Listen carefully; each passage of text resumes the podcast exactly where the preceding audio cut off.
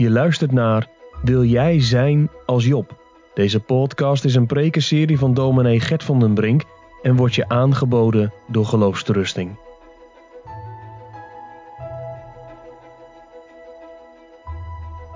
Wij openen het woord van God en we lezen uit Job hoofdstuk 4 en 5. Deze uh, twee hoofdstukken bevatten de toespraak, het antwoord, of beter gezegd de reactie van Elifas op uh, wat Job in hoofdstuk 3 heeft gezegd. Vorige week hebben we al uh, bij hoofdstuk 4 stilgestaan. Laten we het slotgedeelte van 4 nog een keer lezen en dan het begin van 5 erbij. Dus we beginnen te lezen in Job hoofdstuk 4 vers 17 en we lezen door tot hoofdstuk 5 vers 7. Job 4 vanaf vers 17. Hier spreekt het woord van God. Zou een mens rechtvaardiger zijn dan God? Zou een man reiner zijn dan zijn maker? Zie, op zijn knechten zou God niet vertrouwen, hoewel hij in zijn engelen klaarheid gesteld heeft. Hoeveel te minder op degenen die lemen huizen bewonen, welke grondslag in het stof is, ze worden verbrijzeld, voor nog eerder dan de motten. Van de morgen tot de avond worden zij vermorzeld. Zonder dat men er acht op slaat, vergaan zij in eeuwigheid. Verrijst, vergaat niet hun uitnemendheid met hen. Zij sterven, maar niet in wijsheid.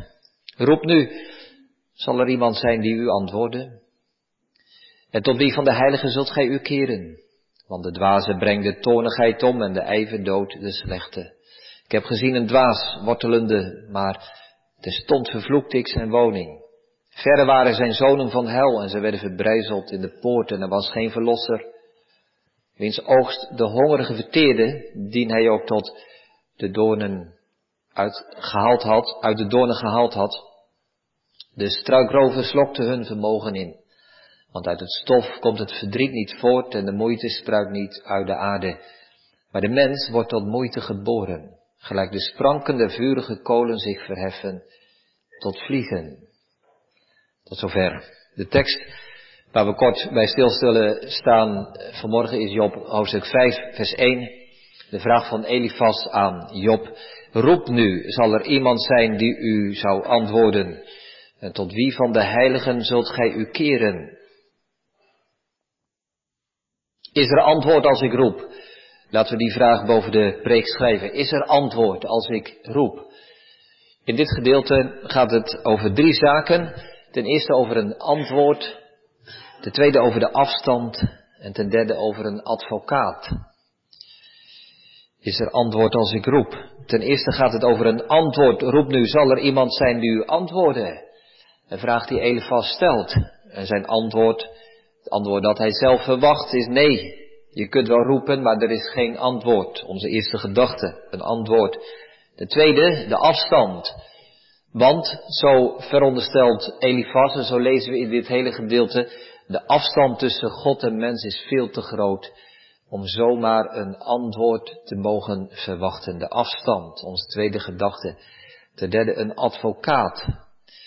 Tot wie van de heiligen zult gij u keren? Is er iemand, een heilige, die tussen God en jou, Job, in kan staan als een advocaat, als een tussenpersoon, als een middelaar. En ook op die vraag verwacht Elifas het antwoord nee. Maar we zullen zien dat er gelukkig door Gods genade ook een ander antwoord op deze vragen mogelijk is. Een antwoord, de afstand en een advocaat. Geweten, wij schrijven boven de korte preek vanmorgen. Als het thema is er antwoord als ik roep. En ten eerste staan we stil bij een antwoord. Kinderen, misschien hebben jullie wel eens een keer s'avonds laat buiten gelopen met een zaklamp in je handen. En als je dan recht vooruit zo schijnt, dan kun je tegen een, eh, een, een boom aan schijnen of tegen een huis. Of een struik, opeens zie je misschien een dier lopen. Maar wat gebeurt er wanneer je die zaklamp naar boven richt? En de lichtbundel zo naar boven schijnt, ja, dan verdwijnt hij in het niets. Je merkt dat soms nog Nog wel sterker als het mistig is. Dan kun je ook met de zaklamp om je heen schijnen en je ziet zo die lichtbundel. Ja, ja, hij, hij, hij stopt gewoon. Met je raar idee is dat. Je probeert te schijnen, je wilt iets terugkrijgen wat je daardoor kunt zien, maar er komt eigenlijk niets terug. Nou, zo kan het soms ook wel lijken als wij bidden. Wij zenden onze gebeden omhoog tot God. Maar wat komt er van terug? Misschien, gemeente, misschien is dat wel het moeilijkste van het bidden. Er kunnen allerlei dingen zijn die wij ervaren als wij aan het bidden zijn. We vinden het misschien lastig om ons goed te concentreren, om te blijven bij de dingen die we zeggen, verwoorden. Maar soms is het ook zo dat je denkt, ja, ik, ik hoor mezelf praten. Het zijn telkens maar weer dezelfde woorden en dezelfde zinnen die ik gebruik. Je kunt last hebben van afdwalende gedachten. Dat ze alle kanten op gaan terwijl je aan het bidden bent. Maar, maar misschien gemeente is dit nog wel het lastigste en moeilijkste van het bidden. Dat er soms zoveel stilte op volgt. Geen antwoord. Wij roepen, we bidden, we vragen. En hoe intenser onze nood is, hoe meer wij bidden. Maar het wordt zo stil daarna. Het is als die zaklamp waarmee je naar boven schijnt. En het, het, het verdwijnt gewoon in het niets. Stilte. Het spreekwoord zegt, nood leert bidden. Maar de praktijk leert, nood leert bidden af. Want heeft het voor zin om nog te bidden als God geen antwoord geeft, juist als wij God nodig hebben? Als wij tot Hem roepen, waarom geeft Hij geen antwoord? Waarom horen wij Zijn stem niet? Er zijn in de loop der tijd al zoveel mensen die gestopt zijn met geloven, omdat ze ergens intens voor gebeden hebben en er kwam maar geen antwoord. Dat is een goede reden voor mensen om ongelovig te zijn, te worden of te blijven. Opvallend is gemeente, als we dit meenemen, dat we over Elifas iets lezen, dat hij die ervaring herkent. Stilte op het gebed, maar hij vindt dat geen zwak punt van zijn godsdienst. Het hoort erbij, dat is hoe hij God ziet. Heel bijzonder. Elifas gelooft dat God zo groot is, zo hoog en vol majesteit. Ja, logisch dat hij niet antwoordt. Dat is wat hij, hij zegt hier tegen Job. Job, roep nu maar. Zal er iemand zijn die antwoord geeft? Nee. Zal er iemand zijn die reageert op jouw gebed? Job, denk eens na over de afstand tussen jou en God. De oneindige afstand tussen schepper een schepsel. Tussen de eeuwige en jij tijdelijk, vergankelijk mens. Er is niets tussen jou en God dan een lege ruimte. Je zendt je gebeden omhoog, zoals een kind met een zaklap naar boven schijnt. Roep maar, wie zal er antwoorden? Niemand. Hij zegt er nog iets bij, in het tweede deel van vers 1. En tot wie van de heiligen zult gij u keren? Met de heiligen denkt hij aan mensen die uitzonderlijk heilig leven. Of misschien denkt hij aan de engelen. In ieder geval mensen of engelen, wezens, personen die zouden kunnen bemiddelen tussen jou en God. Job, heb jij iemand die, laten we zeggen, halverwege kan staan, die bemiddelen kan tussen jou en God wanneer jij iets aan God wil vragen? Tot wie kun jij je eigenlijk wenden, Job? Tot niemand. Tot niemand. Zou er iemand zijn die jouw zaak zou kunnen bepleiten? Is er iemand die het voor jou wil opnemen tegenover God? Elifas weet het antwoord. Het antwoord is een duidelijk nee. Niemand. Hij zelf had nog een engel gehad. We hebben dat gelezen en overdacht vorige week. Hij vertelt dat er een engel, een geest tot hem kwam en hem iets influisterde in de stilte van de nacht. Maar Job zegt hij, volgens mij heb jij zo iemand niet. Er is helemaal niemand tussen God en jou. Je kunt wel roepen, maar er is geen antwoord. Onze eerste gedachte, een antwoord. Ten tweede gemeente, de afstand. Toch is het niet zo vreemd wat Elifas hier zegt, als we misschien zouden denken. Hoe komt dat dat Elifas zo denkt? Het komt omdat Elifas denkt, beseft dat God groot is. En dat geloven wij ook. De gereformeerde theologie, de reformatorische traditie heeft altijd veel nadruk gelegd op de hoogheid en de verhevenheid en de majesteit van God. Zijn eigenschappen van alomtegenwoordigheid, van eeuwigheid, alwetendheid. God is zo totaal anders dan wij zijn. God is zoveel hoger en machtiger en groter. God kent alles, weet alles, bestuurt alles. God is heilig en verheven en rechtvaardig. Goed om daar alle nadruk op te leggen. Maar ook bij ons kan dan zo gemakkelijk de gedachte binnensluipen, hè? Als God zo groot is, als die afstand tussen God en mij zo enorm is, heeft het dan eigenlijk wel zin om te bidden? Heeft het wel zin om te roepen?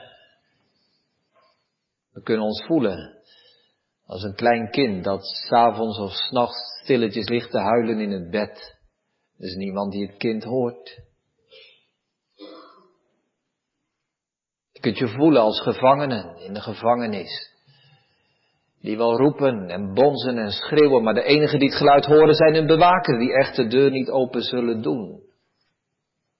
Waar is God eigenlijk? Is Hij niet te heilig? Is Hij niet te verheven? Is Hij niet te rechtvaardig? Om naar mij om te kijken. Misschien, misschien hoort Hij mijn stem wel, want God hoort alles, maar zal Hij ook antwoorden? Elifas zegt prachtige dingen, gemeente, in hoofdstuk 4 en 5 en de volgende hoofdstukken waar hij spreekt. Over de grootheid van God en over de wijsheid van God. Over de schoonheid en verhevenheid van de schepping. Maar soms hè, lijkt het wel hoe, hoe, hoe groter en verhevener God is, hoe eenzamer wij ons gaan voelen. Wie ben ik, kun je vanmorgen denken. Wie ben ik, arme, slechte zondaar, dat de heilige God naar mij zou omzien en dat God naar mij zou antwoorden. Laten we maar eerlijk zijn gemeente, als we dat alleen hebben, de hoogheid en de verhevenheid van God, je kunt onder de indruk zijn van de sterrenhemel die je ziet op een heldere nacht. Je beseft de grootheid en de majesteit van God. Maar ik geloof niet dat er ooit iemand tot bekering en berouw is gekomen door naar de sterren te kijken. Er komt nog iets bij gemeente. Dat klinkt op het eerste moment misschien een beetje on, onwaarschijnlijk, maar ik geloof wel dat het waar is. Hoe groter de afstand tussen mij en God, hoe hoger verheven God is, hoe onbelangrijker Hij voor mij wordt. Hoe onbelangrijker Hij voor mij wordt.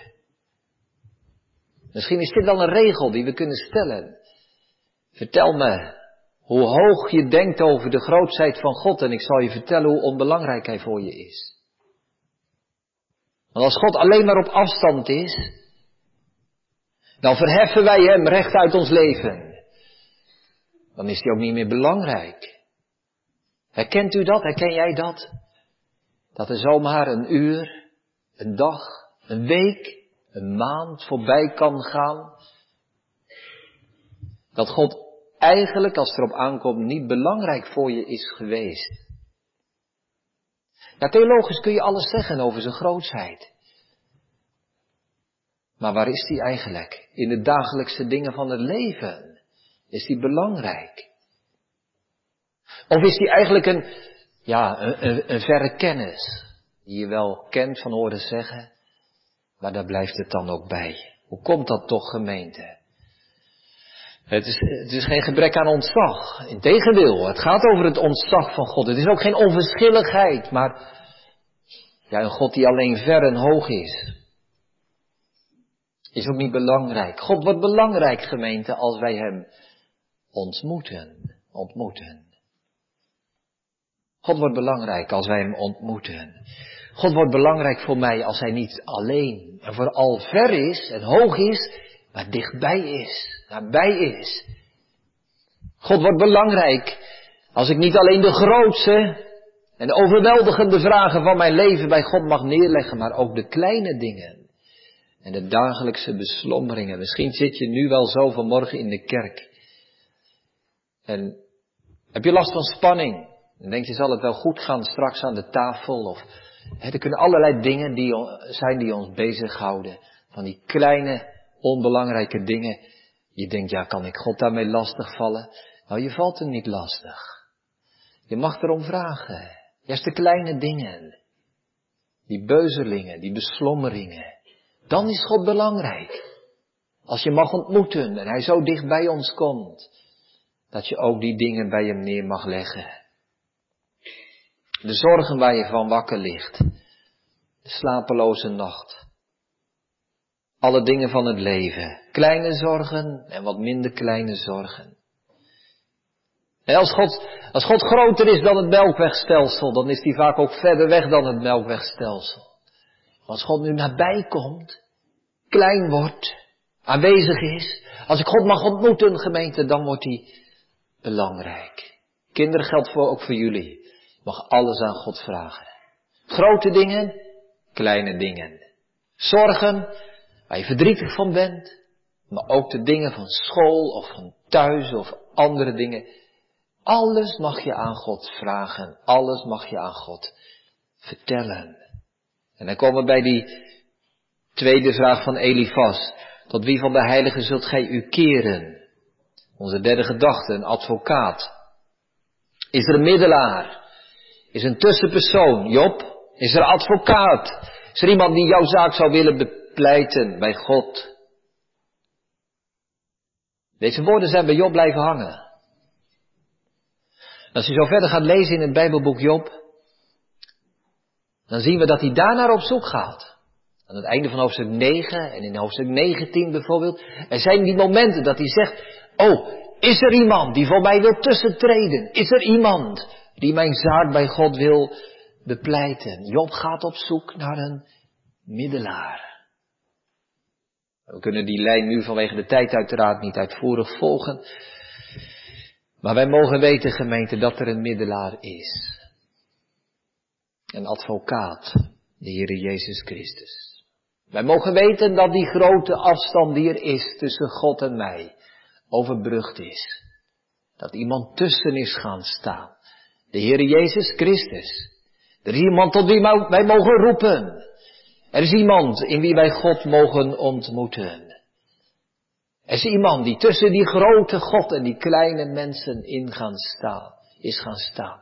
Tussen de heilige en de zondaar. Tussen de eeuwige en de sterfelijke. Tussen de levende en degene die op weg zijn naar de dood. De Heer Jezus Christus. En dan mogen wij straks aan de tafel gemeente die grote God ontmoeten. Die machtige God.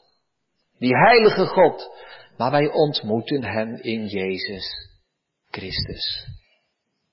Die ons in alle dingen gelijk is geworden behalve de zonde. Die mens geworden is en een van ons. De gestorven en de opgewekte Jezus Christus. De advocaat van wie wij mogen zeggen, indien wij gezondigd hebben, wij hebben een voorspraak bij de Vader, Jezus Christus. Van wie geldt die gestorven is? Ja, wat meer is, die ook opgewekt is, die ook aan de rechterhand van God is, die ook voor ons bidt. Een advocaat, een tussenpersoon, een middelaar, onze Heer Jezus Christus. En daarom gemeente, daarom mogen wij, daarom kunnen wij God ontmoeten. Wij lezen de vraag van Elifas en laten wij vanmorgen ieder persoonlijk de vraag van Elifas beantwoorden. Roep. Zal er iemand zijn die mij antwoord geeft? Wat is daarop jouw antwoord? Is er iemand die antwoord geeft op jouw vragen? Is iemand die antwoordt op jouw roep? Tot wie van de heiligen zult gij u keren? Wie is er die voor mij tussentreedt? Ben je als Elifas en zeg je ik heb helemaal niemand? Ik sta alleen in de wereld en God is onbereikbaar. Of mag je zeggen, zal er iemand zijn die mij antwoordt? Ja. God zal mij antwoorden. Tot wie van de heiligen zal, zal ik mij keren? Ik zal mij keren vanmorgen tot de Heer Jezus Christus. Ik wil gaan naar zijn tafel. Ik wil hem zelf daar ontvangen in het tekenen van brood en wijn. Amen.